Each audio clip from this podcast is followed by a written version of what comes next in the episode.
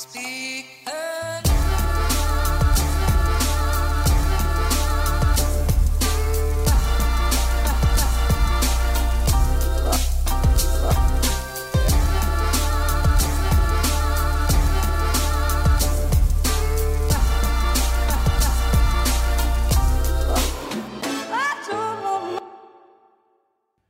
God dag og velkommen hit til Klagemuren. Det er tirsdag 7. juni. Klokka mi er 19.32. Og tirsdagene eh, er jo, og blir, den beste dagen å gjøre podkaster på. For da er eh, da, da er gjerne fruen på jobb seint. Så eh, da blir det ikke så mye sånne her sånne kjæresterier.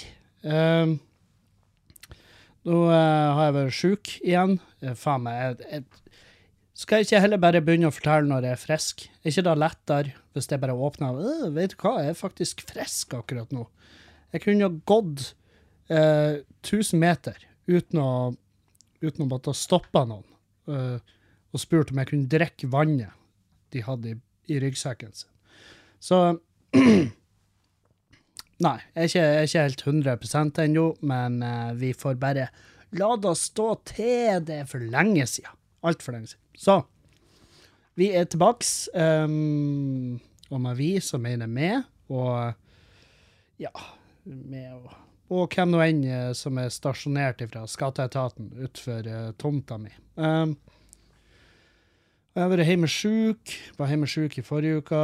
Var, vurderte denne uka. Um, bare jeg, jeg tar fri ukes, på ukesbasis. Jeg syns det er tull å bare ta fri mandag, tirsdag, onsdag, og så dra på jobb igjen på torsdag. Da kan du like gjerne ta ei lang uke. Men, men det ble nå ikke sånn. Jeg måtte ut med på arbeid og følge opp de her gressklipper eh, banden som jeg har ansvar for. Og jeg følte, følte på et visst ansvarsnivå der. Og det er jo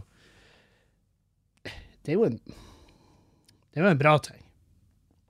Det er jo et tegn på at jeg tar ting seriøst.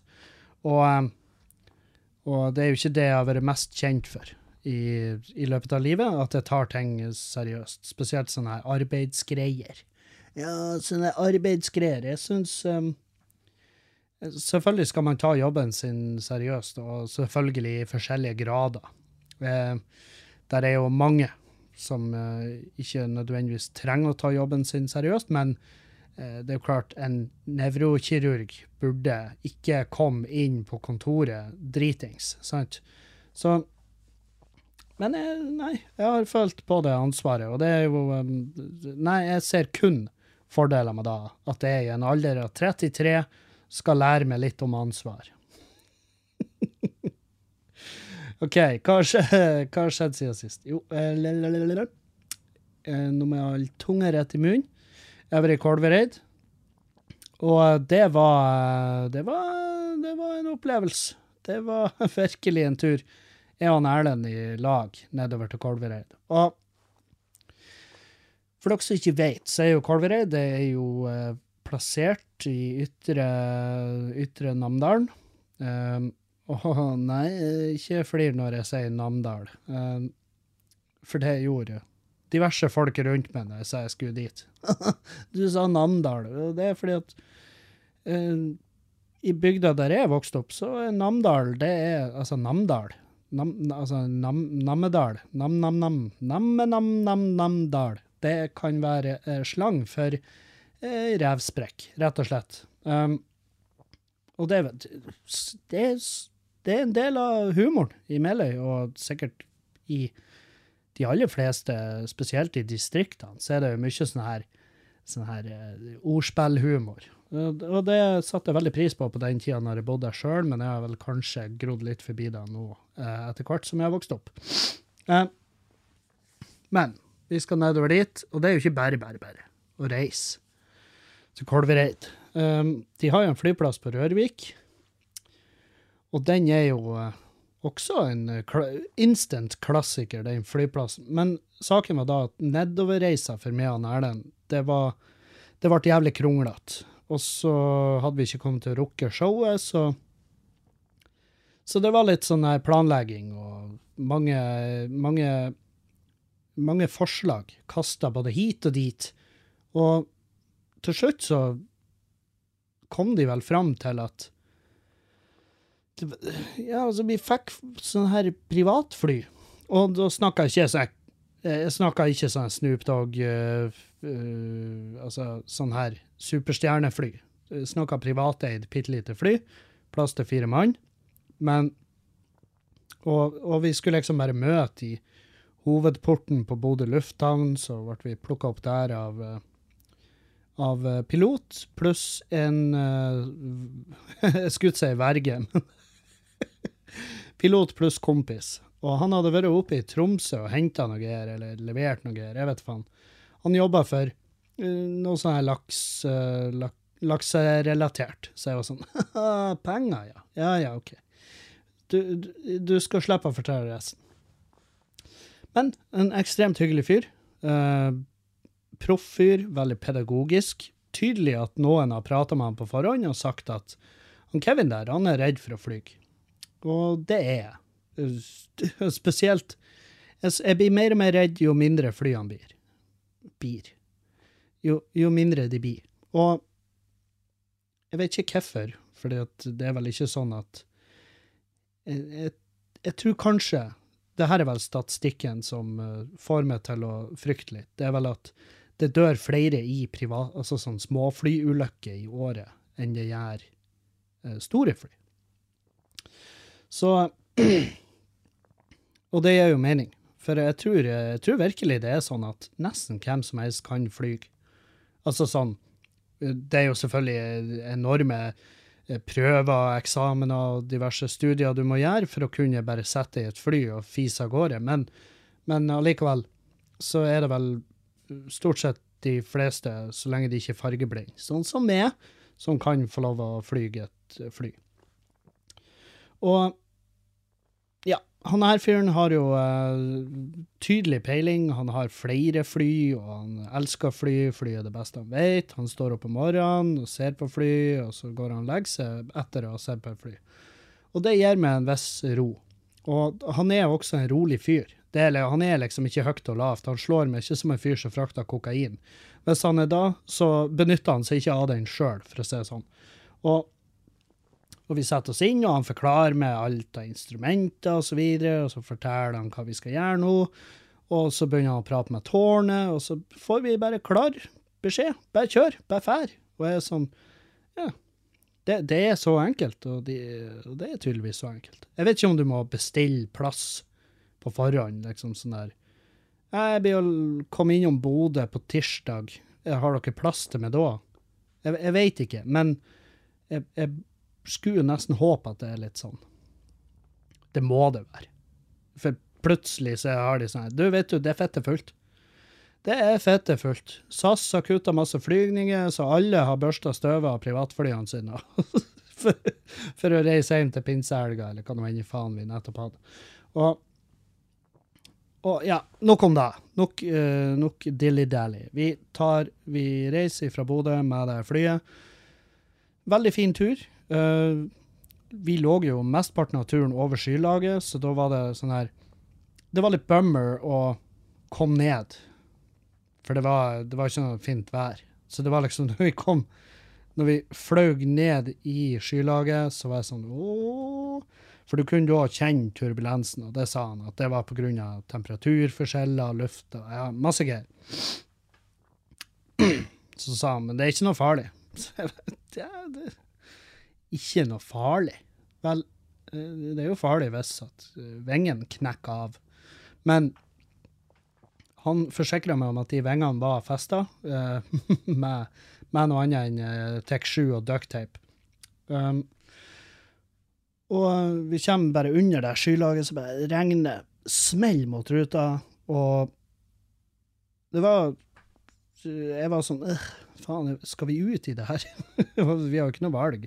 Han kan jo ikke sirkulere og vente på bedre vær. Sjøl om det var på et tidspunkt et tema. Han sa at det var et sånn threshold når han skulle lande, at hvis han ikke så rullebanen da, når vi nådde det der punktet, så måtte han ta, da måtte han opp igjen, og så sirkulere og prøve igjen. For det var litt tåke. Men vi kom oss ned, og det var en nydelig landing. Eh, og det sa de, de andre i flyet. Ja, nydelig landing. Det er sånn, ja. Ja, det kan godt hende. Jeg, jeg tror på dere. Jeg var livredd, jeg tok hardt i, og, og Men eh, vi overlevde. Og hele turen så satt jeg Og det her er greia med å sitte framme i et sånt her fly. Det er at piloten er jo på venstrehånda. Jeg vet ikke om det er en fast greie. men Det er vel sånn at hvis du er Jeg vet faen. Jeg, helt ærlig så vet jeg ikke om det er fast at uh, pilot er på venstre, og så er det andre pilot på høyre. Men i dette tilfellet så var det jo da. Og i dette tilfellet så var jo jeg per definisjon andrepilot. Og den Jeg spurte han om den spaken min, om den er sånn at Ja, er det sånn at hvis jeg rører den, så reagerer flyet på det? Og så sa han ja, den er ikobla, og det er ingen måte å koble den ut, så ikke rør den. Og da satt jo jeg hele turen og sørga for å ha 50 cm mellom kneet mitt og den ekstra spaken der, ikke sant? Og det Jeg brukte ganske mye av energien min på den flyturen på å bare holde meg unna den spaken. Fordi at jeg er en fekklus. Det var da mamma kalla meg da jeg var liten. Du, Pellus. Fekklus. Du, Pellus. Jeg pella på alt. Måtte pelle. Klarer ikke å sitte i ro. Så jeg satt jo bare der og bare nitrykt på mobilen min. Spiller Jeg spiller en uh, di Dinosaur Jump-spillet som er på Google Chrome, hvis du ikke har nett. Visste dere at det er et spill der, da? For hvis du tar opp telefonen din, og så kobler du, setter du den i flymodus, um, og så åpner du Google Chrome, da vil du da vil du få opp det her eh, spillet. Og det er en dinosaur som bare hopper over ting og tang. Og det spillet er ekstremt avhengighetsdannende, og det hjalp meg på den turen. Sånn at jeg ikke er plutselig kjeda meg nok til å ta tak i den spaken og bare Kobe! Og så fy, fyre oss rett ned i, i nærmeste dal. Så Men ja, vi landa i Kolvereid, ble henta av verdens hyggeligste eh, arrangør. Hei, Marte. Heia. Takk for sist. Um, og susa oss innover, innkvarterer oss på et hotell. Um, et, nok et hotell, faen, nok et hotell uten frokost, uten mat. faen, det, det blir en fast greie, det der. Og så um, og så uh, vi bare bort i hallen og testa lyd, og, og uh, det, det var jo et nydelig, nydelig sånn her kulturhus de har i, i Kolvereid. Så all ære til dere for det kulturhuset. Uh, vi fikk vel Ja, jeg vet faen hvor mange folk det var der. Det var noe, det var noe greit, men det var ikke fullt. Og så så ble det litt sånn her Ja, det, det, var, det var noen elementer med showet som, som, som eh, gjorde meg litt usikker. Det var sånn at når jeg kom på scenen, så var det jo eh, god stemning. Eh, så ble det en del støy fra første rad, og så var jeg på tur å gå, gå apeshit på første rad, men da jeg innså veldig fort at det var en, ja, en person du ikke kjefta på, for å si det sånn. I hvert fall, altså, du kjefta ikke på en person i den situasjonen. Så da måtte jeg egentlig bare, bare bite i meg, men det var så inn i helvete forstyrrende. Satan. Kauking og roping, og det var eh, Og det er sånn Ja, hvor er, hvor er vi der? Hvor er etikken i den? Eh, hvor langt kan man på en måte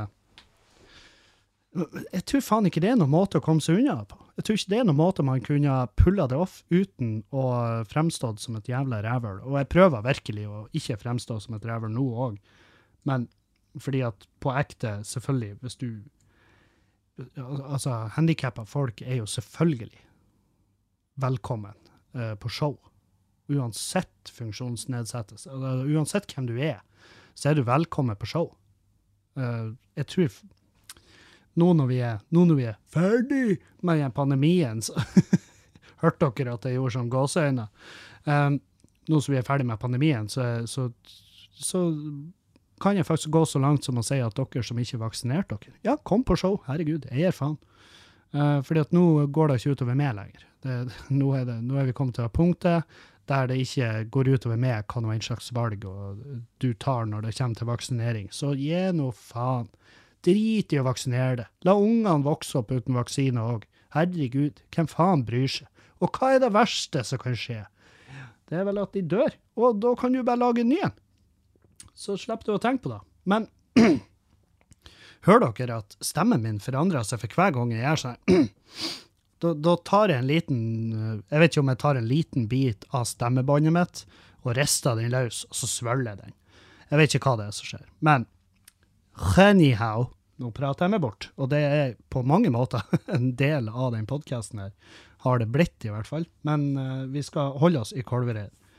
Showet, alt i alt, går helt, helt greit. Og uh, når Erlend kom av scenen for det var jo først han Kevin, først han Kevin, lille Kevin, vaktmester Kevin først på, og det er jo også fordi at jeg skulle sjekke at scenen var i bra teknisk stand, og at alle lysene hadde pære og sånn, før han Erlend, som jobba med det her, uh, kom på. Um, og han, når han kom av og kom backstage, han bare uff, ja, det fikk ikke noe gratis der. Og det, og det, er en sånn der ting vi gjerne sier til hverandre, komikere. Det, du får ikke noe gratis. Og det er en jævlig Eh, det er en veldig beskrivende beskrivende greie for et show som ikke går Det, det er liksom ikke sånn trampeklapp, og folk er religiøse, og folk ligger og rister på gulvet og bare 'Herregud, det her er kultur!' Sant? Eh, ikke sånn, men det går ikke dårlig. Det er bare at vi må liksom eh, gjerne ha et ekstra gir for å få, for å få på en måte den tilbakemeldinga vi er ute etter. Og det gjør ingenting. Vi trenger den type show i ny og ne, men eh, det, man blir ekstra sliten etterpå. Så var, vi var begge sånn huh. Men det er, vel, det er jo ikke noe hemmelighet at han Erlend han uh, tusla jo uh, spankulert, vil jeg si. Han var veldig lett i steget. Det er jo fordi at han er blitt så fette tight. han er så fit. Det er helt vilt. Det er helt jævlig å se på. Han ser jo sjuk ut. Jeg sa til han 'ser sjuk ut', og han bare 'ja, det sier alle feite folk'. Det er sånn, ja, det er den lingoen vi har. Uh, men han tusla jo hjem etterpå, for det var ikke noe det, det, det, var ikke noe interesse i å meet the locals og henge på puben og sånn. Og, og det er det er nå bare sånn han Erlend er, og jeg skjønner, for han er nykter, ædru. Han har selvfølgelig ikke lyst til å møte masse fulle folk. Det, det har jeg. Altså, på ekte den mest Altså den mest uforbeholdne forståelsen for at man ikke har lyst til å henge med fulle folk. Det var jo sånn der Ja, når jeg kjøpte Skubare i Lamadan, begge to var jo sånn her Faen, vi hater fulle folk når vi er edru. Jeg husker jo han Dan, å se han Dan stå og tygge på sine egne gommer mens det står en dritings fyr og prøver å fortelle han hva som er brennevin. Sant? Å se han bare bit så hardt at det knirker i bygget, og folk bare 'Å, herregud, er taket på tur å rase sammen', eller hva det er som skjer her? Og jeg bare 'Nei, det er han Dan som holder på å tygge seg rundt tennene sine fordi at du er fett dritings og trolltåpen i hodet'. Så jeg skjønner den. Men jeg var ganske pussa på det her tidspunktet, så jeg tenkte, vet du, jeg skal faen meg se hva Kolvereid har å by på. Og de har jo en pub, og den puben er Å, herre jemini, for et bipolart konsept. Der var det alt. Men det er jo sånn det blir når du har en pub som skal være pub N, altså den the one, det stedet. Så der var det Ja, det var noe blanding av en sportsbar og disko og Det var nok Altså, og god gammeldags pub, klapp, bord, pub, uh, type stemning. Så det var, det var så mye der inne. Men unektelig bare Jeg møtte ikke på noen som var utrivelig. Møtte bare trivelige folk. Og møtte noen jævlig kule patrions. Takk for at dere kom. Uh, og ble sittende igjen. Og det var to unge jenter som var på Patrion òg. Og de hadde, de hadde, kjørt liksom et langt stykke for å være der. Og ja, det, det, var bare for meg helt uforståelig at uh, at folk drar land og strand for å se. Og det, men et, tusen takk. Herregud, så hyggelig. Og jeg mollkosa meg. Jeg kosa meg på den puben. Så jeg gikk ut i lag med ene for å ta en røyk, og når vi kommer ut, så bare sånn Så kommer det en bil kjørende inn til puben, og det her er jo en sånn Ford Transit, eller Caravelle, eller hva nå enn. Altså, dere skjønner, en sånn multivan. Og ut uh, strømma det jo noen sånne her unggutter som var fette klar for å feste. Og han første som kommer ut, han har ei eh, ganske grei fart på seg, og så sprenger han rett bort til veggen på puben, og så bare spyr han. Bare kast, spyr, han bare tømmer fullstendig systemet. Bare, bare vrenger magsekken rett på asfalten foran oss, og det var liksom folk som fikk spy på skoene sine, for det var så høyt trykk. Og mens han står og bare. Han står og roper etter elgen og spyr som faen. Og mens han står og gjør det, så kommer nestemann ut av den bilen. Og han er i en helt annen form, for han bare sprenger bort, og så tar han en baklengssalto, sånn at han lander på sida av han fyren som står og spyr. Det er det sjukeste jeg har sett. Det var så kontrast. Det var yin-yang. Jeg elska det. Dere, eh, og jeg sa det, jeg måtte bare berømme det. Herregud, hvis det her eh, altså, hvis det her er organisk, det bare skjer med et uhell, godt jobba. Og hvis det her er planlagt og koreografert, enda bedre jobba. Herregud, for et øyeblikk. Jeg er så glad jeg fikk det med meg. Og, og det var vel Kolvereidet i sin eh, i sin fulle helhet. Det er hotellet, det var så fett artig. Jeg kom inn på rommet der, så Eh, Jeg har jo sett mange sånne forskjellige forsøk på å forsvare og at man ikke har frokost på hotellet sitt. Og jeg skjønner jo at kanskje hotellet i Kolvereid ikke er At ikke det er så inn i helvete godt besøkt akkurat nå, eller da. Og dermed så kan de ikke forsvare å ha en masse folk på arbeid som lager frokost. Og jeg skjønner da, herregud. Um, men det jeg flira meg i hjel av, var jo løsninga på det problemet. For det er jo selvfølgelig et problem, og det er jo ikke bare med meg og Erlend, men det er jo hvis folk skal bo på det hotellet, så trenger de jo næring. Så enkelt er det. Og da hadde altså de, de hadde altså presentert ei dritbra løsning. Og det var en lapp som lå der, så sto det du kan fære på SO, og så kan du handle for 100 kroner på, på denne lappen. Så det var en frokostbong som oppfordra oss til å tussle bort på Esso og få oss et måltid der.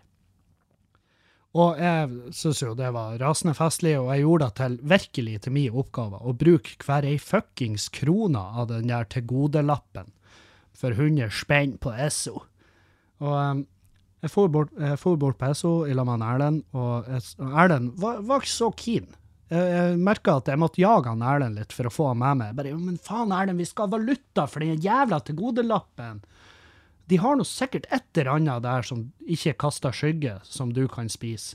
Han, han er virkelig han er røff på dietten akkurat nå for tida. Og det synes, og han høster virkelig Han høster fruktene for, for da. Syltynne, veldig deilige frukter. og jeg kjøpte meg en sånn her wrap med kylling i karri, som var jo ja, altså, sett på Når jeg ser tilbake på det, så er det å kjøpe en uh, wrap med kylling karri uh, på en bensinstasjon på en søndag Det er ikke Altså, jeg vet bedre. Du vet, kom igjen, Kevin, du vet bedre enn det her. Enn å utsette deg sjøl for en sånn situasjon der jeg kan, som akkurat eh, det som skjedde, bli dårlig bli, få, få, la resten av dagen din bære preg av det fette, elendige matvalget ditt. Men jeg prøver å tenke tilbake, hva andre valg hadde der? Og jeg klarer ikke å huske. Så jeg, jeg må nesten bare gi meg sjøl den jeg, jeg, må, jeg må la tvilen komme sjøl til gode, og så må jeg bare gå ut ifra at det var ikke et bedre valg der. Men jeg sliter jo med å se hva som Hva, hva, hva var de andre valgene da? Hvis jeg valgte en kylling curry wrap? Jeg eter jo ikke kylling heller. Det er uhyre sjelden. Det er jævelsjelden. Jeg syns ikke kyllingkjøtt er noe godt. Jeg syns det er tørt, og det er ekkelt, og det er en horribel industri, og, og jeg har blitt matforgifta på det. Og hvis du har vært matforgifta, så tar det en stund før at du dypper tåa i vannet igjen. sant? Det er som hvis du har, hvis du har fått eh, rifta i ræva etter, å, etter at typen din har hatt bursdag, og du lot han prøve anal, sant? og så går alt til helvete, så du rakner som i en fødsel. Sant? Da tar det en stund før du dypper tåa i vannet der igjen òg. Og det samme har jeg hatt med kylling. Men tydeligvis så er det bare alle prinsipper ut vinduet når du er i. Hvem i faen bryr seg? Jo, jeg bryr meg når jeg må sitte på et Widerøe-fly som tar nærmest piruetter i lufta, og jeg sitter der og har lyst til å gå på dass. Og jeg vet jo at hvis jeg går på dass her på det her Widerøe-flyet og driter, så går det utover absolutt alle reisende. Og pilotene, med mindre cockpiten er lufttett i tillegg. Altså Ja, det var Jeg, jeg, jeg, la, jeg la virkelig til rette for en horribel søndag der, og jeg fikk det. Og jeg fikk det. Jeg fikk det akkurat sånn som jeg ville.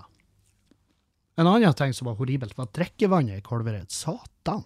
Jeg sa til han Erlend du, har du smakt på det vannet i sprengen? Og heldigvis så skvatt han når jeg sa det. For han var sånn, ja, det smaker ren avføring. Og jeg bare, ja. Og da, var jeg, da hadde jeg drukket to flasker allerede. Så jeg ble litt sånn, å dæven, enn hvis det er sånn kokevarsel her? Det vet jo ikke vi. Vi har jo null peiling. Det er bare sånn, eh, hvis vi hadde gått inn på kommunens nettside, det sto, husk å koke vannet, for det er 50-50 ren avføring, og råtne dyrelik som ligger fanga i det filteret oppe i dammen. Jeg vet faen hvor de får det vannet ifra, om de bare, om de bare er hos henta. Jeg ser for meg at de er ute i skau, for det smaker myr. Helt ærlig. Og jeg, jeg digga Kolvereid. Jeg syns det var fint der. Hyggelige folk. Bra sal. Nydelig proff arrangør. Eh, flott flytur nedover i, i et uh, spillernytt laksefly. Alt lå til rette. Altså sånn her, alt, det, alt var bra på den turen. Unnta, altså det jævla drikkevannet. Skyt meg i trynet, det var jævlig. Det kjentes ut som myrvann. Og jeg vet ikke hvordan de henter det. Om de er Om de er med gravemaskiner og henter et lastebillass med myr, og så bare står det et gjeng og vrir myra på vannverket og bare drypper det ned i vasken din. Så bare her kan du sublide så du ikke dør av dehydrering. Sant? Jeg tenkte eh, etter min andre flaske vann at OK, det her får hold. Jeg får, jeg får bare fungere på de her dråpene helt til jeg kommer, i hvert fall til Værnes, for der vet jeg de har vann som smaker vann, og ikke vann som smaker fotsvette. Um, ja, jeg har jo fått eh, Jeg vet jeg var Jeg var demotivert som faen etter eh, Altså under sist podkast, og jeg, skal ikke si at jeg, jeg er faktisk mer, mer, mye mer motivert i dag enn jeg var da. Og en ting kan være at det har litt med at jeg var sjuk å gjøre, uh, hvis jeg skal gjette. Uh, for da blir jeg bestandig nedstemt. Men også fordi at, la oss være ærlige, altså, det har ikke vært bra tider, sant? Så Men jeg har ikke tenkt å legge opp. Så det, det er ikke planen i det hele tatt. Men men jeg har fått mye fine meldinger etter det, og det, tusen takk. Eh, men det går, altså, det går opp og ned sånn humørmessig, men sånn objektivt sett så går det helt OK. Og det skal bare bli bedre. jeg må bare ha den innstillinga. Og han Dag Sørås hadde hørt den episoden. Sikkert noen vet ikke hvorfor. Om kanskje han tenkte at kanskje jeg blir name-droppa. For det er da jeg bruker å høre hans episoder. Og hvis det gjør husarbeid. Dag syns jeg er helt nydelig å gjøre husarbeid til. Og da bruker jeg å sette på sånn at det spiller på Sånn at det spiller på alle høyttalerne i huset. For det er det som er så fint med sånn Google Home. Det er at du kan linke i hop en masse greier. Og det er Google Nest. Det her Mesh-systemet for wifien til Google, det er også høyttalere, de små jævlene du setter rundt i huset. De, de er høyttalere i seg sjøl, så jeg bruker de og Nei, så eh, Poenget var Dag har hørt den podkasten, og så skrev, skrev, han til meg at dude uh, Ja, han skrev masse hyggelige greier. Og at jeg må roe meg ned og ikke være dramatisk. Og jeg er jo kjempedramatisk. Jeg er superdramatisk og jeg krisemaksimerer, og det er vel en del av personligheten min. Jeg har jo hinta til at det kunne også være en del av en diagnosis, men eh, også folk er uenige. Og folk som har peiling, er uenige, og da hører jeg på de. Eh, men eh, han tipsa meg da om å se den dokumentaren om George Carlin. Og for dere som ikke vet hvem George Carlin er, så var han en, en uh, temmelig en temmelig kompleks eh, figur, har jeg innsett i ettertid. Men uh, en, uh, en, ganske bra standup-komiker, altså. En fyr som, uh, som jeg, jeg, husker jeg så masse videoer av han, og de videoene går jo ennå sin seiersgang på Facebook. Um, og den dokumentaren tar jo for seg hele hans karriere, ikke sant, fra start til slutt. Og hvor lenge var han komiker? Det må ha vært en faen meg, sikkert nesten 50 år. Skal vi se George Carlin Career. Uh, OK. Uh, ja. Så vi se, han begynte i 1956, ikke sant? Og uh, det er jo uh, ganske lenge siden. jeg skal ikke begynne å regne på hvor lenge det er siden, men Altså, han gjorde da standup fra 1956 fram til 2008-ish. Og han er altså en av de mest, en av de viktigste og mest innflytelsesrike komikerne i amerikansk, altså i USAs historie.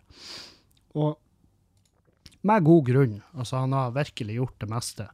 Og jeg vet, er kjent med. Altså, det var mange aspekter med den eh, dokumentaren, eller dokumentarserien. dokumentarserie. Jeg tror det var to episoder eller tre. Men det var masse aspekter med det der som jeg kjente meg igjen i, og det var masse av det der som var på en måte Det var veldig godt å se at Å liksom få sett at en så uh, stødig altså så, så uh, populær komiker, da, en så svær komiker, hadde de periodene der, og om ikke verre perioder enn det jeg har nå.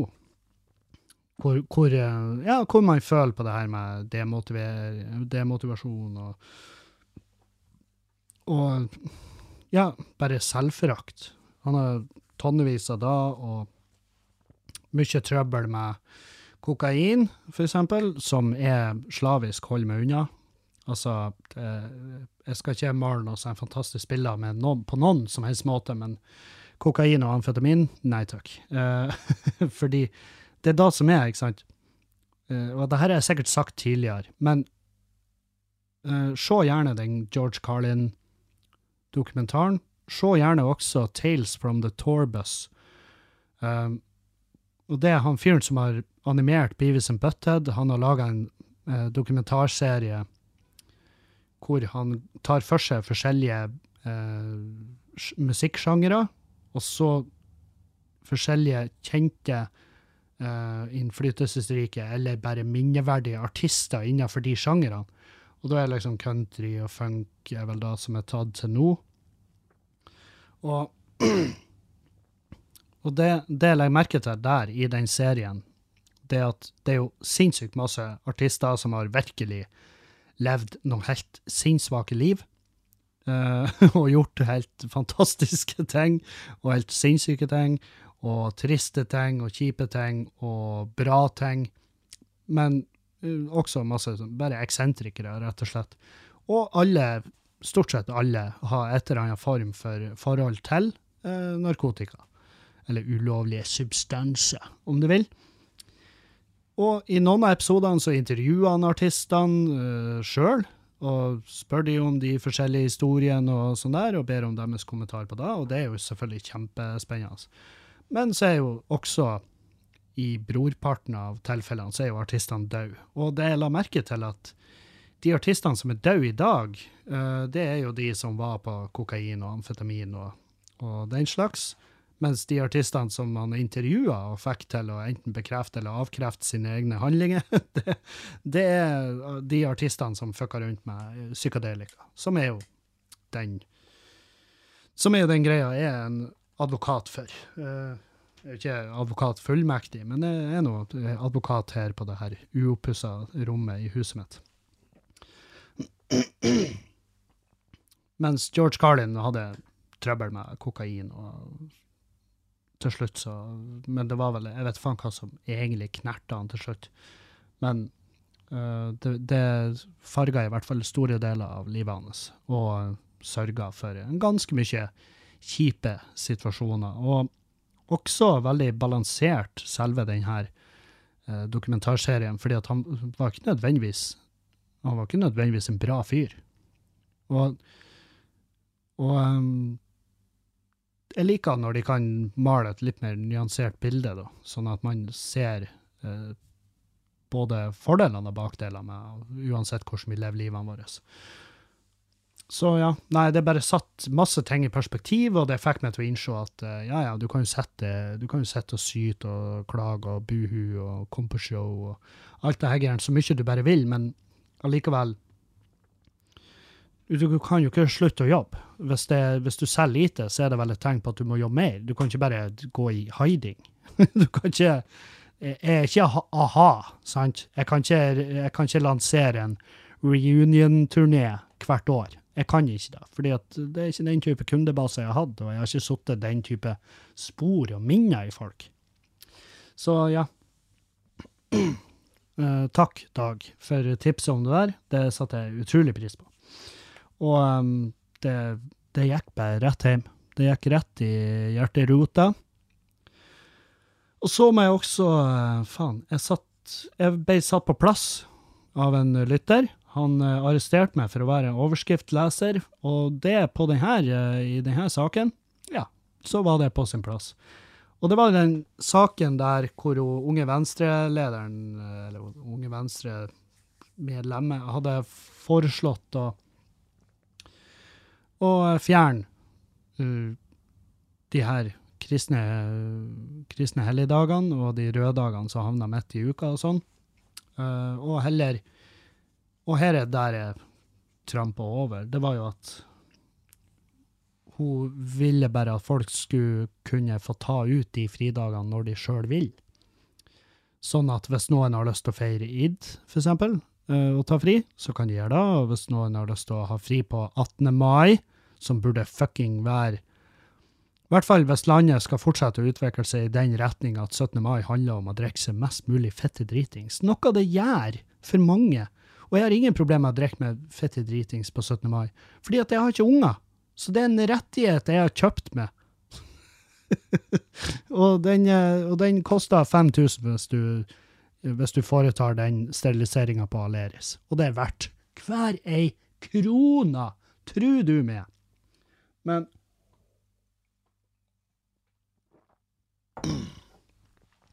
Ja, så hun foreslår bare at vi skal få lov å bestemme litt mer sjøl når vi skal fri. Uh, KrF, uh, unge, unge KrF-dude, går jo selvfølgelig beinhardt ut og uh, fordømmer hele, hele ideen om å fjerne hva var han sa, støvs... Ho, de er så keen på å støvsuge vår kulturarv og få fjerna alle spor for kristendommen. Og hei, jeg er 100 for det sjøl, men uh, og, og da forsvinner jo det argumentet mitt, som var jo at du må ikke ta ifra folk goder. Og det er jo ikke det hun har tenkt å gjøre her. Hun har tenkt å beholde selve, altså hun har tenkt å beholde antallet fridager i året. Hun har bare lyst til at man skal kunne fordele de sånn som man sjøl vil. Men det hun ikke vil, det er ikke støtta hun her tøtta i, det er at hun vil ha slutt på de inneklemtdagene. Og er bare hei, hei, hei. Og det er klart, inneklemtdager eh, Eh, For den som forstår det eh, Forstår det konseptet. Er det, hva er definisjonen på inneklemt dag? Er, det- er det ikke inneklemt dag Skal vi se. Inneklemt arbeidsdag er en arbeidsdag som ligger mellom to fridager, f.eks. fredag etter Kristi himmelfartsday. Uh, forutsetter at lørdag er fridag. Ja, så hvis du er hvis du, eh, hvis du jobber i Lørdagsrådet, så er det ikke en innklemt dag. Ja. Men og Poenget hennes er jo at hun vil eh, at vi må slutte på en innklemt dag som folk tar fri på, og dermed er det ineffektivt for eh, samfunnet og, og næringslivet og så videre og så videre. Og så tenker jeg skyt skyter sjøl. Aldri.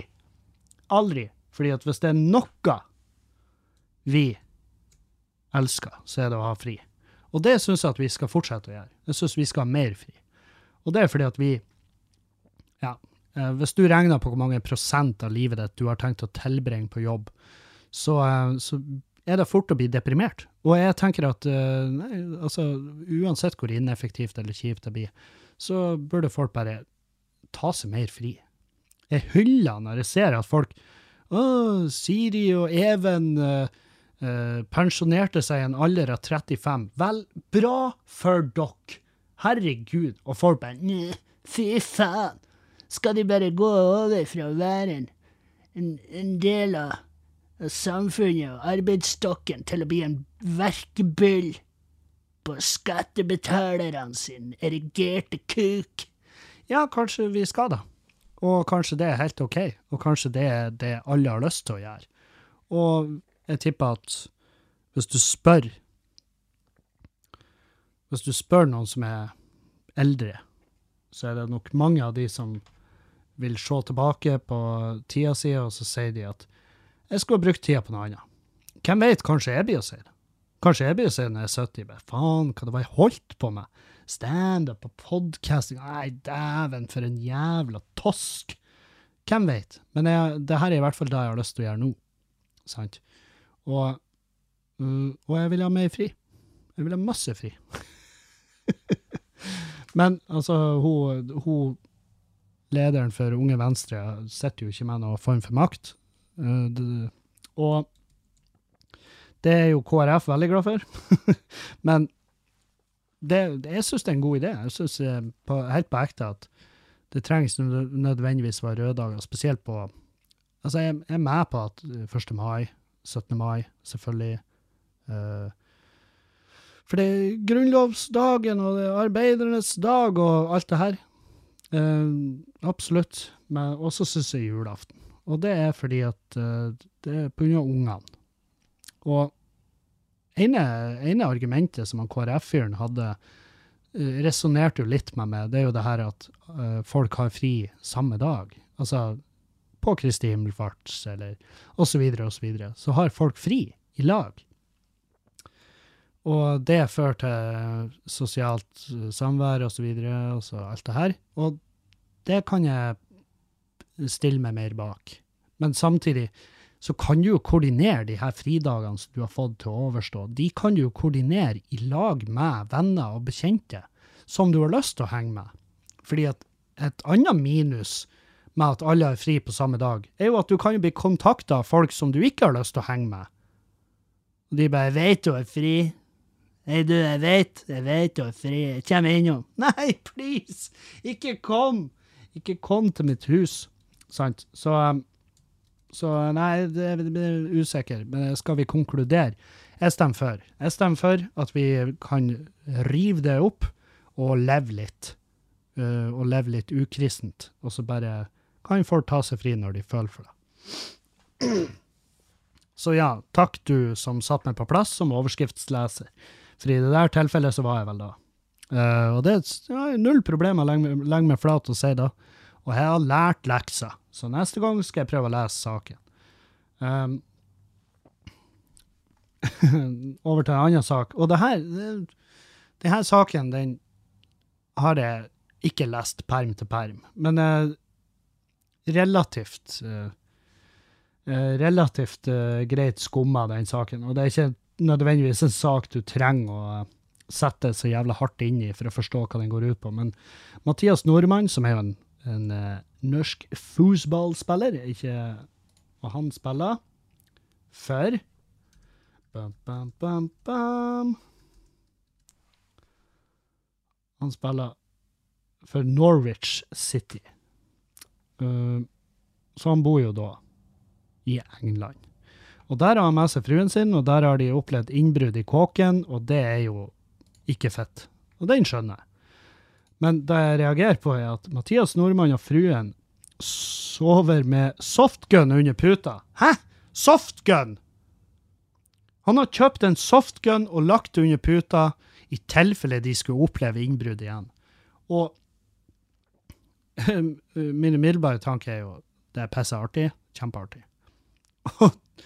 og, men samtidig så tror jeg faktisk det å ha en softgun under puta er farligere enn å ha en 45-kalibers Desert Eagle liggende under puta di. Det tror jeg på ekte. Jeg tror det er farligere for alle å ha en softgun under puta. Og det er fordi at, la oss si at du opplever at noen bryter seg inn i kåken, og han tar softgun sin, mekka ladegrep, sprenger ned i stua, der står det en enorm fyr og bare forsyne seg grovt. Forsyne seg grovt ifra pokalskapet til Norwich. Og, og Mathias bare Hei, du der! Stopp en hall! Og så bare peker han mot han, og sværingen er sånn Å, shit, han har, han har våpen. Å, helvete. Ja, nå Jeg har tydeligvis Jeg vet ikke om dere hørte det der, men på det Google Mesh-høyttaleren ute i gangen, så står tydeligvis en mikrofon på, sånn at uh, han ga meg tilbakemelding om at han forstår ikke hva jeg mente. Og så ødela han uh, hele historien min. Faen, for en jævla kuksuger. Nå har jeg snakka fint om det! Jeg har sagt fine ting om Google Mesh, din jævla pikk. Jeg trekker det tilbake. Yeah. Men ja, han kommer sprengende ned i stua, og der står det en svær jævel og har stjålet masse skitt som han, Mathias har kjøpt for sine egne penger. Det er hans ting, og han burde få lov å ha det i fred. Og han snur seg, og han, Mathias står og peker på han med softgunen sin, og han fyren kommer imot han, og Mathias bare Stop it! I will fire upon you, sir! I will shoot you between the eyes. Og så, til slutt, så bare Hvilken lyd lager en softgun i dag? og alle som har blitt skutt med softgun, vet at det er så fette vondt. Det er så jævlig vondt. Men det er ikke like vondt som å bli drept av en Desert Eagle. For det får du ikke med deg. Det er bare, da er det over. Det blir svart. Og så finnes du ikke lenger. Men ei softgun der, det svir. Altså så borti helvete. Og hvis det har vært en innbruddstyv, så hadde jeg Altså Hvis jeg nå i dag, Kevin her er sett, hvis jeg hadde kommet til det punktet at jeg var så desperat at jeg måtte bare begynne å gjøre innbrudd for å, for å jeg vet faen, for å kjøpe mat, så hadde jeg så hadde jeg mest sannsynlig lagt ned en sånn der sånn der OK, det her er mitt det her er, min, det her er mine premisser for å kunne jobbe innenfor innbruddsbransjen. Det at jeg skal ikke drepe noen. Jeg skal ikke skade noen. Jeg skal bare inn, hent tingene mine og stikk av. Jeg skal ikke være fysisk med noen. Det er de reglene jeg har kommet til å sitte. Men hvis jeg hadde brutt meg inn hos en deilig, langhåra, flott hårvekst som nok, er nok til å provosere meg Hvis du har flott hår, ja, så umiddelbart så tenker jeg hva har du gjort for å fortjene det der, mens jeg må gå rundt her og se ut som en, som en, eh, som en, som en gammel gymlærer i et vitnebeskyttelsesprogram. Hvorfor må jeg se sånn her ut, mens du kan se sånn ut? Sant? Hvis det, blir, hvis det bryter meg inn en plass, og han der nydelige fyren med flotte håret kommer og skyter meg med en softgun Altså, da har jeg klikka. Jeg har rasert alt. Det er så vondt. Og, og jeg hadde Hva faen er det du holder på med? Og han bare 'Nei, sorry!' Og så skyter han meg en gang til, og da er det Da er det Da er det Da uh, shit is going down. Da er det jeg mot Mathias. Og jeg vet at han har en softgun. og det jeg har, er en en bag full av brekkjern, og hodet fettet fullt av aggresjon etter å ha blitt skutt to ganger med softgun av en Norwich-spiller. Selvfølgelig har jeg klikka. Så det her er bare Hvis noen kjenner Mathias, ta strekk ut ei hånd og si Kevin anbefaler virkelig å bare enten gå for en ekte pistol, for la oss være ærlige, hvis folk hadde brøtt seg inn i huset mitt og stjålet tingene mine, og jeg hadde tatt dem på fersken, så jeg hadde null problem med å i hvert fall skyte av de kneskåla. Og ja, jeg er ikke godt trent med pistol og i en stressa situasjon og alt det her, så jeg hadde stått i fare for å drepe dem. Men vet du hva? Det hadde jeg egentlig ikke øh, Og det her er jo sånn som jeg kan si nå. Det hadde ikke gjort meg noe. Jeg hadde lett drept noen som hadde stykka av med tingene mine. Men er, er, det, er det sant? Er det på ekte sant at jeg kunne sovet om natta etter å ha tatt et menneskeliv fordi at de prøvde å fære av meg Macbooken eller TV-en? Gud, ja, lykke til de som skal stikke av med TV-en vår. De er jo 85 tommer. 85 tommer til 11 000. Det vil si at den er tung i tillegg. For det er ikke noe Det er ikke, det ikke toppmodellen, sant? Så de har jo måttet ha en lastebil. De har jo måttet ha den bakpå eh, lasteplan, og så bare stroppa over. Det har vært et helvetes arbeid å stukke av med den TV-en. Men jeg kan jo være tøff i kjeften og si at jeg hadde ikke hatt noe problem med å se de øynene, og så drar den avtrekkeren og se de øynene bare rulle bak i hodet. Men det stemmer mest sannsynlig ikke. Jeg hadde mest sannsynlig sittet igjen og tenkt faen òg, altså, det var Jeg skulle truffet det jævla kneet, altså. For nå eh, holder jeg meg våken, at jeg har tatt et liv.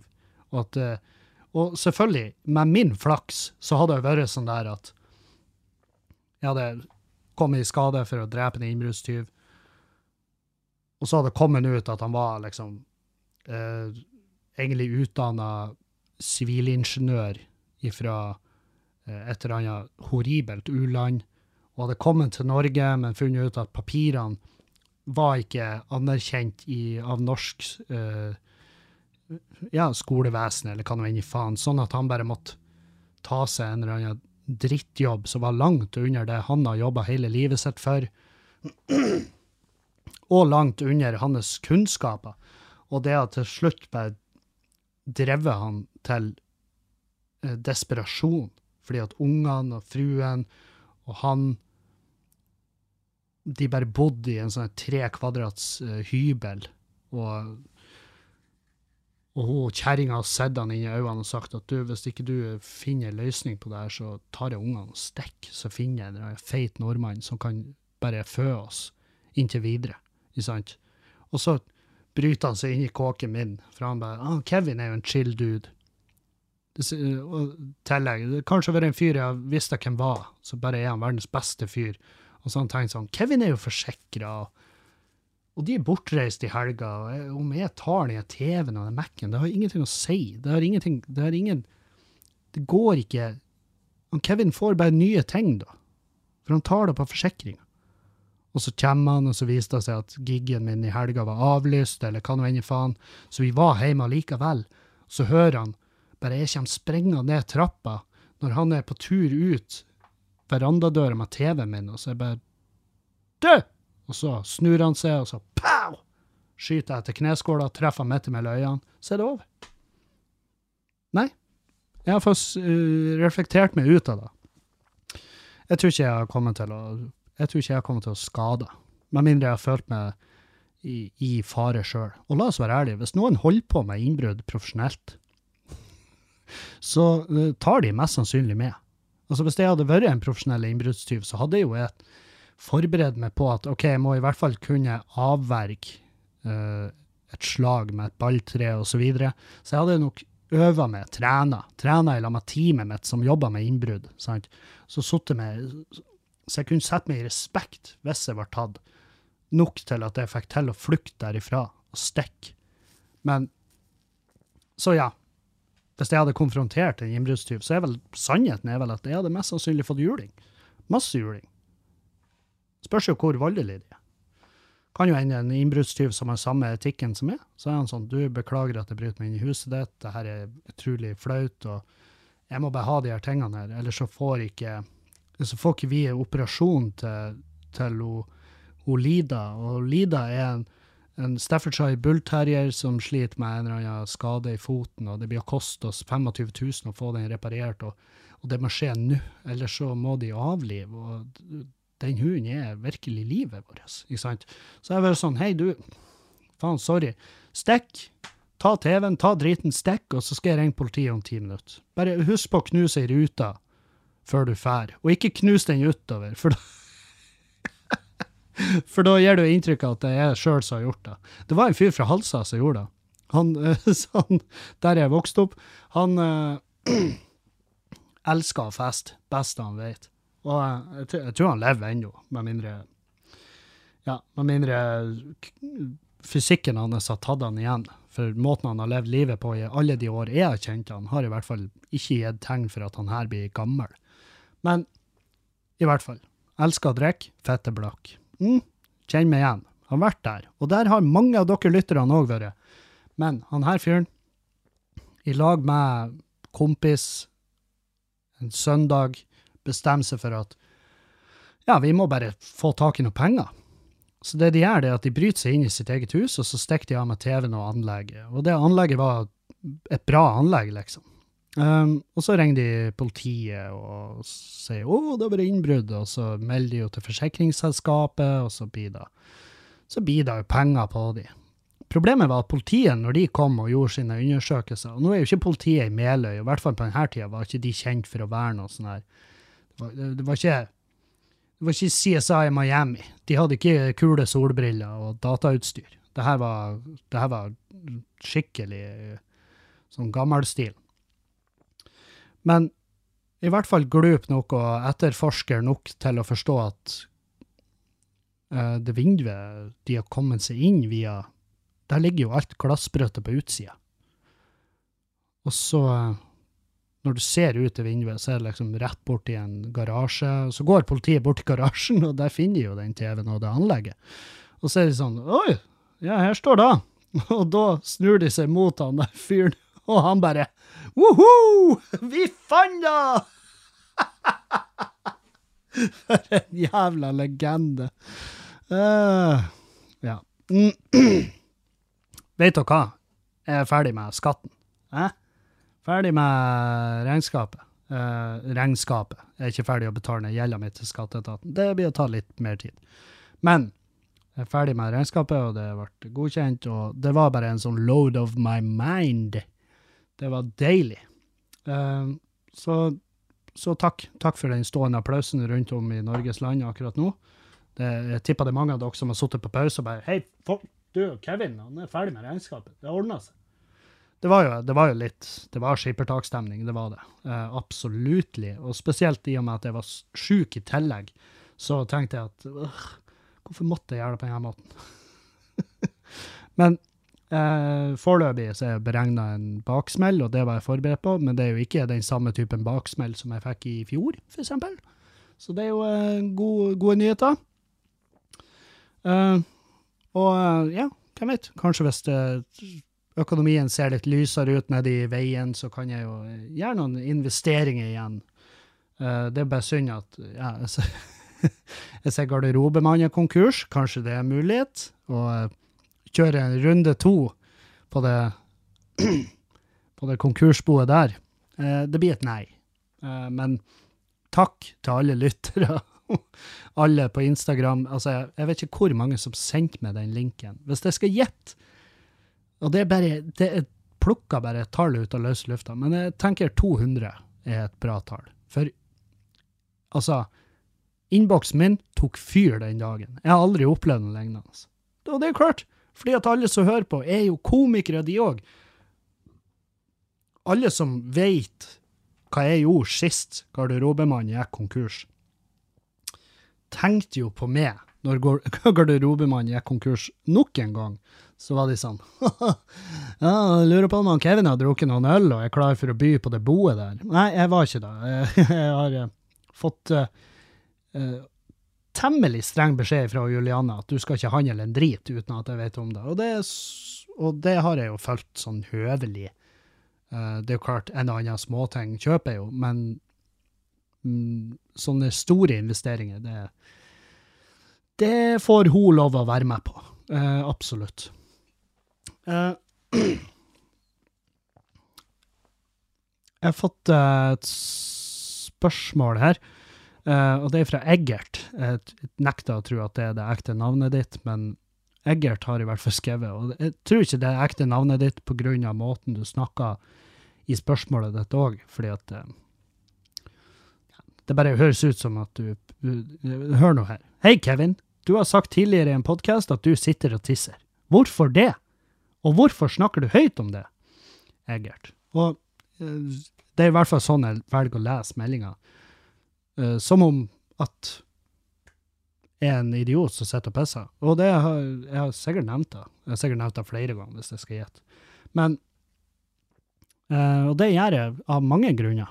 Uh, og spesielt når jeg er på besøk. Hvis jeg er på besøk hos andre, eller Altså, det, det er vel kun når jeg ikke har noe annet valg, at jeg står og pisser. Og spesielt når jeg er på besøk, så sitter jeg og pisser. Uansett, faen. Og det gjør jeg fordi at alle gutter vet at de griser når de pisser. Og det vet dere òg. Dere vet at dere griser når dere pisser.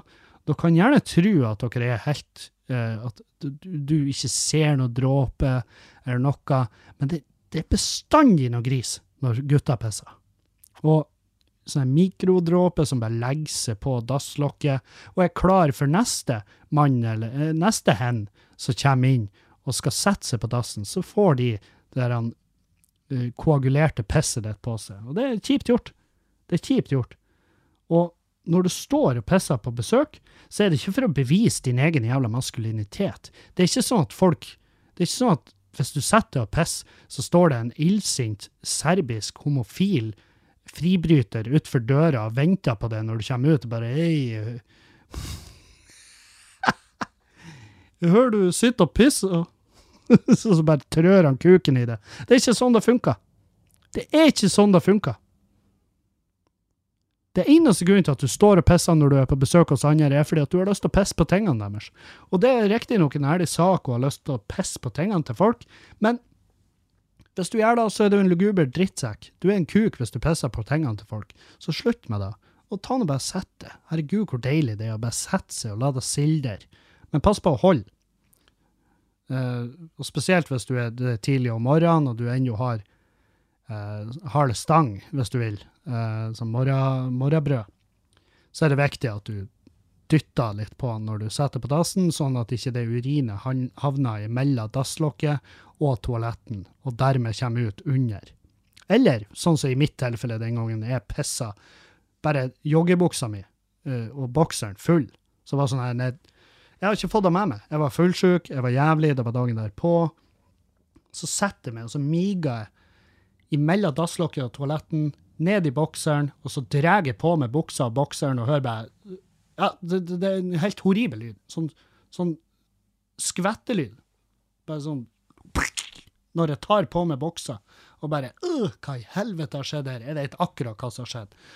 Og da kjøpte jeg meg 30 Eller jeg kjøpte ikke, jeg solgte 30 minutter dusjing, bytting av klær. Det var kaos.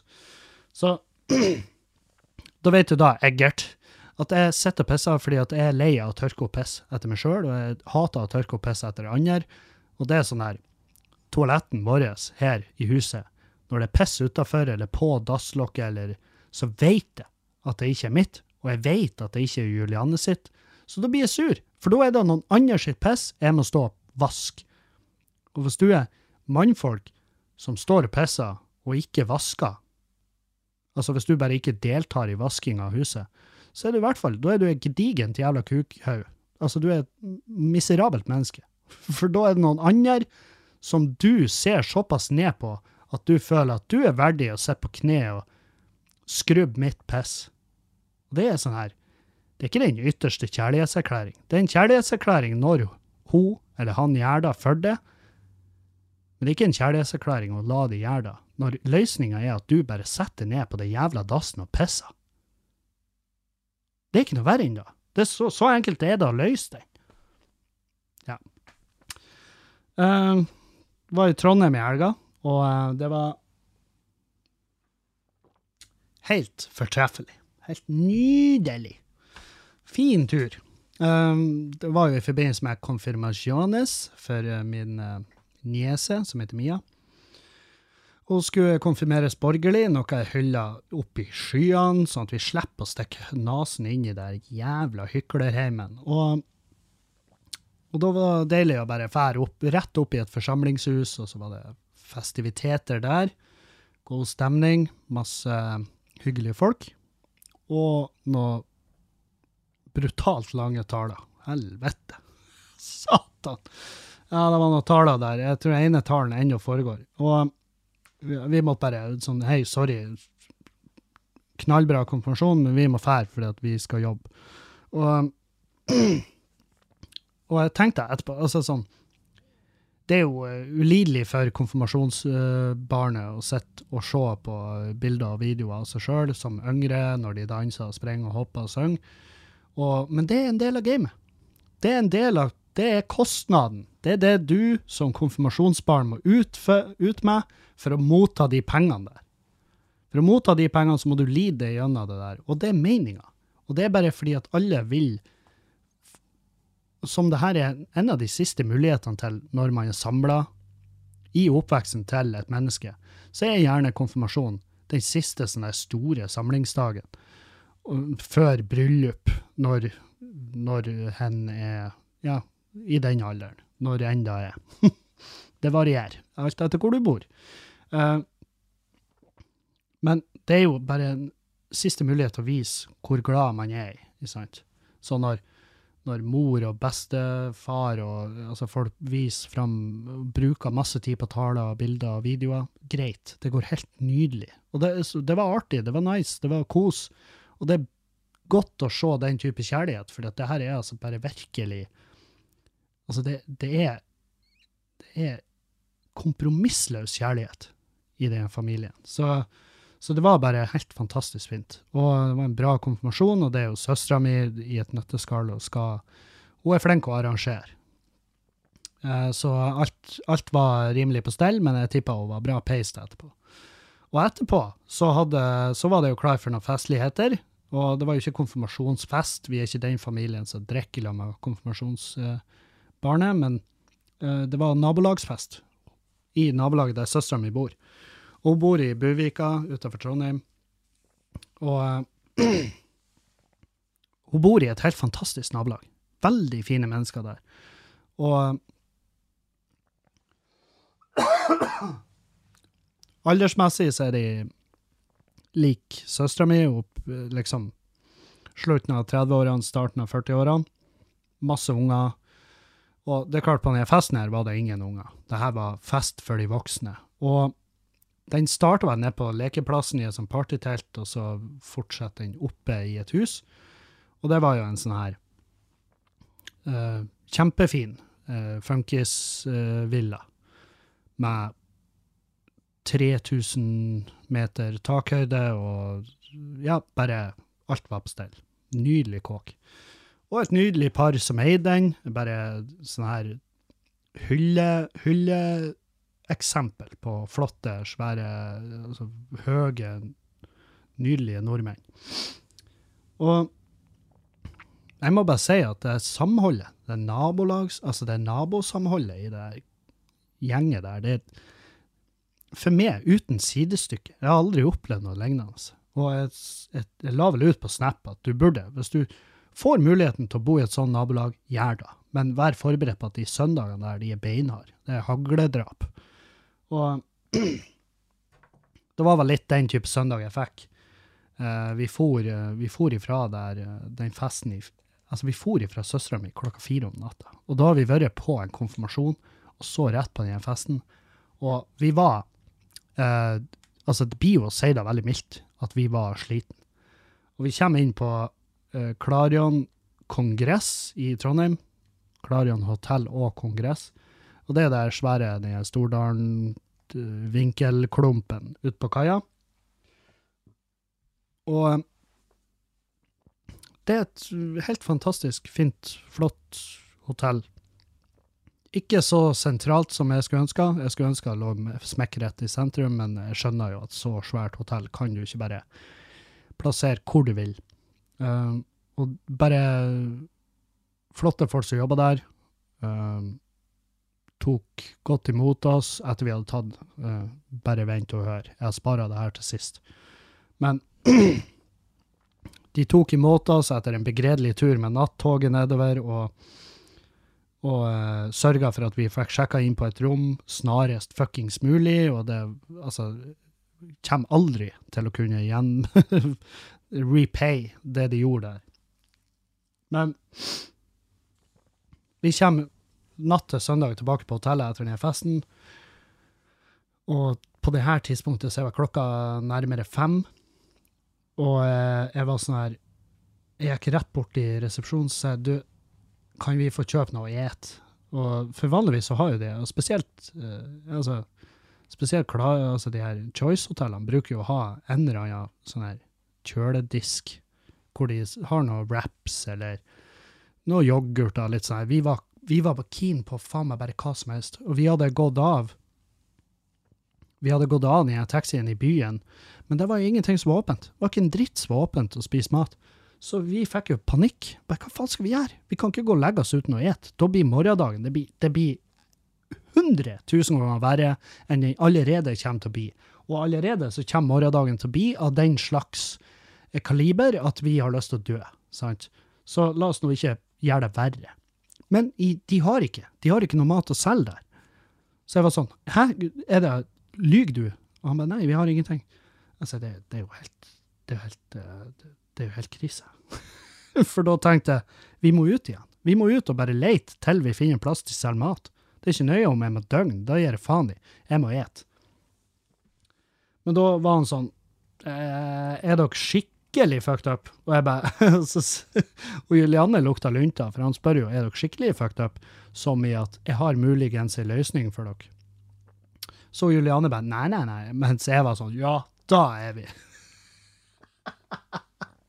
Men da ser hun på meg med et sånn her blikk som er sånn ikke fuck det her opp. Og jeg bare, nei da, vi, vi er jo sånn at vi greier å oppføre oss, liksom. Så sier han ja, nei, men dere kan komme inn i frokostsalen, så kan dere ete av den, fordi at da hadde de rigga en sånn her minifrokost til uh, flykabinpersonalet, altså piloter og flyverter som skal ete når de kommer fra Værnes. Og jeg ble så glad at jeg holdt på å begynne å skrike. Så glad ble jeg. Og vi spiste oss i hjel. Spiste oss i hjel og bare mollkosa oss. Og tusen hjertelig takk for den håndsutrekninga der. Det berga livet mitt. Så da var det opp. Vi sto opp klokka to.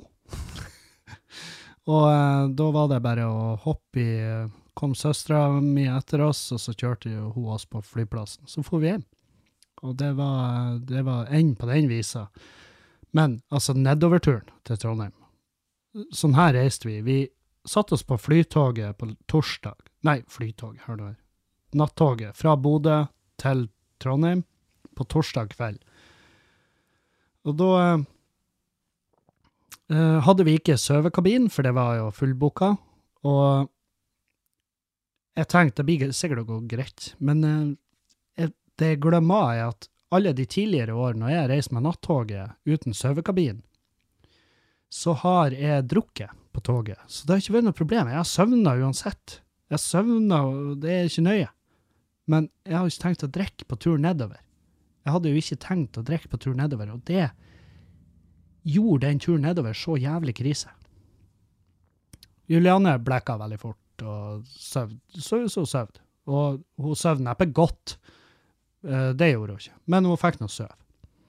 Så mens hun lå og sov, så satt jo jeg der og prøvde å sove. og Hadde der fotskammeren som var i veien, uansett hvordan jeg satt. og Jeg kunne liksom ikke lene meg gjennom toggangen og legge føttene i det neste setet, fordi at folk for og gikk att og fram. og så til slutt så endte jeg opp med å bare sette meg i seteraden bak og Julianne og så prøve å legge meg på den, og jeg fikk faen ikke til. Til slutt så bare satt jeg i en sånn zombietilstand og bare stirra ut i lufta. Og da la jeg merke til han fyren rett overfor meg, og det her, på det her tidspunktet så var klokka fem om morgenen. Da, det vil si at uh, da har vi to timer hjemme med toget før vi, før vi er i Trondheim. Og da sitter en fyr i, på raden rett overfor meg, han sitter og sover i en sånn norrøna buksa, og så har han liksom lufteslusene oppe, og Ja ja, han har reist med tog før. og han søv. Søv som en stein. Og det unner jeg han. Herregud. Men jeg legger merke til at det har altså krøpet en enorm ereksjon nedover venstre lår på han fyren her. Og jeg er, sånn her, jeg er jo automatisk bitter på alle som har en ereksjon du må velge en fot for. Min Altså, jeg, ikke, jeg har ikke den type utstyr, så det er ikke et tema for meg. Men den her, eh, altså sånn, jeg, hvis jeg skal anslå vekt, øh, vekt Skikkelig 17 kilo. Nei, altså, den bare Den var så jævlig rett i øynene. Og, og det er nå greit. Altså, det er noe helt uh, spesielt når man sover. Man har jo ikke kontroll over ereksjonen sin. Problemet var at han satt i søvne og bare Altså, han bare satt og gnidde den ereksjonen noe så jævlig. Altså ganske intenst. Så det så ut som han var våken, men jeg så på trynet hans at denne fyren sover. Det er ingen tvil om det. Så han bare satt i søvne og gnudde på ereksjonen sin. Og mens han gjør det, så, så snur jeg meg til høyre, og så ser jeg en fyr som satt i setet foran og Julianne. Han har røyst seg og gått i kafévogna eller på dass eller hvor nå enn i faen han har vært. Og så han kommet tilbake, og han står bare og svever. Og, altså, ikke svever, han er ikke over bakken, men han står bare helt i ro, standby-modus, og bare nistirrer på Julianne der hun sitter og sover. Så jeg har en situasjon gående her hvor det står en sånn raring, og han har stokk, han som står og stirrer. Han har en svær sånn trestokk som han går med, som en ung utgave av Gandalf. Bare en creepy Gandalf. Um, og han står bare og ser på Julianne mens jeg sitter og nistirrer på han andre fyren der som sitter og gnir seg på ereksjonen. Og det er liksom togturen oppsummert for meg. Det er alt det her sinnssyke som foregår der. Altså, ta deg en tur med nattoget en gang i løpet av livet ditt, bare sånn at du kan observere hvor, hvordan folk sover. Det var en fyr, han satt med føttene, han satt med lårene opp i setet, men hodet, altså torsoen utfor setene, så de, den var liksom det laveste punktet, sånn at han fyren, når han våkna, så bare rusha, altså, så bare tømmes hodet for blod, men tru den hodepinen. Jeg har hørt at det er farlig å sove sånn. Jeg var sånn, skal jeg vekke han? Nei, det her må jo være en eller annen form for omvendt tai chi. Uh, sånn stilling hvor du bare har det mest mulig jævlig uh, på, ja, i løpet av hvor nå enn lang tid du klarer å holde ut i den stillinga. Men det er altså faen meg et sirkus å se hvordan folk løser det her med søving på nattog. Og her er bare min idé eh, til hvem nå enn som har designa togene. Men de burde faen meg ta seg en tur med nattoget. Fordi at hvis de ser, hvis de går seg en runde gjennom toget, så innser de at ingen, ikke en jævla passasjer, bruker setet sånn som det skal brukes. Ingen sitter rett opp og ned og sover på nattoget. Hvorfor er det sånn? Vel, fordi at dere har gjort noe grådig feil under designinga av det her vandrende Altså det her kollektive jævla likkistefrakteren fra Bodø til Trondheim. Det er det mest horrible innenfor komfort noen fuckings sinne. Jeg og satt meg i kafévogna, søvna der, fikk kjeft. «Øh, Du kan ikke sove her. Jeg, vet, jeg kan ikke sove noen plass. Hva med da? Og da var jeg gretten, for jeg hadde akkurat søvna, og så bare Hei, du kan ikke sove her. Hm, øh, en av oss skal straks i den evige hvile hvis du vekker meg en gang til. Altså, jeg var grusom når jeg gikk av det toget. Så når vi da kom på hotellet, og de først sa at eh, rommet er ikke klart ennå, jeg bare, når er det klart? Nei, jeg vet, eh, det er ikke noe sikker, jeg kan ikke med sikkerhet si når, men eh, det er ikke noe senere enn tre, og da var klokka sju om morgenen, og jeg bare eh, Vær så snill. Vær så Altså, jeg var sånn Dere må, dere må prøve å få til et rom, så vi kan gå og legge oss. Jeg, altså, det er ikke nøye hva jeg må ut med, men seriøst, jeg blir jo død. så var de sånn, ja, men eh, gå nå bare i frokosten og et, og så kommer du tilbake om en time, så skal vi se om ikke vi har et rom klart. Og det hadde de, fordi at de, ja, fordi at pl planetene var i stilling, og det var Kevin sin tur å få lov å sjekke inn tidlig. Og så gjorde vi det, og så søvde vi masse, og så for vi ut og møtte han Dag Sørås og han Henning Bang og Isalill Kolpus og en som heter Espen. Og uh, komikere som skulle gjøre klubbshow på Hammerhead Brewing Company i Trondheim. Og jeg var sånn, faen, vi hiver oss med. Så jeg og Julianne vi heiv oss med til, brew, til Hammerhead, og så gjorde jeg ti minutter uh, surprise spot på scenen der, og det var dritnice. Kjempeartig. Det var fette full sal, fordi at de har komikere som selger. og jeg bare mollkosa meg. Det var så nice. Tusen takk til publikum som var der. OK, hva skal vi nå? Skal vi plugge nå? Hva faen har jeg å plugge? Uh, vi har klubbkveld i Bodø. Klubbkveld i Bodø. Mm, vær du trygg. Det er nå i juni. Det er den 16. juni. Da er det på Nordlendingen i Bodø. Da kommer Dag Sørås, Isalill Kolpus, Pål Roaldsen, Jeanette Aslaksen og Andreas Bach.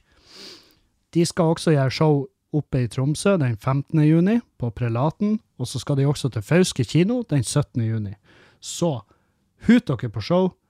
Dette er siste showet før den pausen Standup Bodø skal i hvert fall ha. Og eh, vi får se hvor lang den pausen blir, men foreløpig så blir den lang. Hvis det, hvis det bestemmer i dag, så blir den lang. Så vi får se. Men ja, og den 24. juni så kommer Magnus Betnér til Bodø. Magnus Betnér er en svensk komiker som er eh, helt super, og det er ganske vilt at vi har fått han hit til Bodø. Så hvis du bor i Bodø, gjør deg sjøl den tjenesten. 24. juni, kjøp billetter. Magnus Betnér på Beddingen kulturhus. Og det er det nye, lille, intime kulturhuset som ligger på Molloen i Bodø. Ta turen, så ses vi der. Da skal jeg ligge meg av. Jeg skal gjøre husarbeid. Jeg skal faktisk ut og klippe. Jeg skal ut og klippe den her lille Amazonasjungelen vi har opparbeida oss. Vi har hatt en No Mo uh, May. No Mo May. No Mo May! Og det betyr uh, No more May betyr ikke klipp plener i mai. Og det er for blomstene og biene og insektene og pinnsvinene, og for min egen jævla latskap, 100 Jeg gjemmer bak masse unnskyldninger, men grunnen til at jeg ikke har klippet, er latskap. Og vi har også uh, enstemmig vedtatt noen endringer i klippeplanen her hjemme. Det er fordi at vi, hagen vår er egentlig ikke Den er ikke særlig klippevennlig. Den er vanskelig å klippe, og det er deler av den som bare ligger i sånn her 90-graders helling. Og det, det er ikke noe digg å fære og trø oppi der med verken kantklipper eller vanlig gressklipper. Så det, det er ikke bare lett. Men eh, jeg har i hvert fall gått i gang med det, og det tar nå den tida det tar, fordi at jeg har Ryobi, batteridrevent eh, verktøy. Og det er jo noe jeg har gjort for miljøet. Eh, men om jeg er fornøyd med det? Mm, eh, ja, du må i hvert fall handle nok batteri og nok ladere til at du kan foreta hel, et helt jævla hagestell uten å stoppe og vente på batteriladinga. Og den kantklipperen jeg har, den er stor. Det er en stor elektrisk en, så han har sånn 36 volts batteri. Det vil si at eh, Det vil si at den er jo kraftig, og det er jo nice, det setter pris på, men det batteriet koster jo fucking Det koster et lite u-land. Jeg må knekke løs Rwanda, og så må jeg gi det til selgeren på hjula for å få et ekstra batteri. Så jeg har bare ett batteri. Jeg har ingen plass i økonomien min til å fære bortover og rive ut et batteri, det, et ekstra batteri til den klipperen. Så jeg tar den tida det tar, men jeg skal faen meg komme i mål. Og det var det jeg hadde. Håper vi høres igjen. Asap, jeg er glad i dere. Elsker dere alle over alt på jord. Adjø.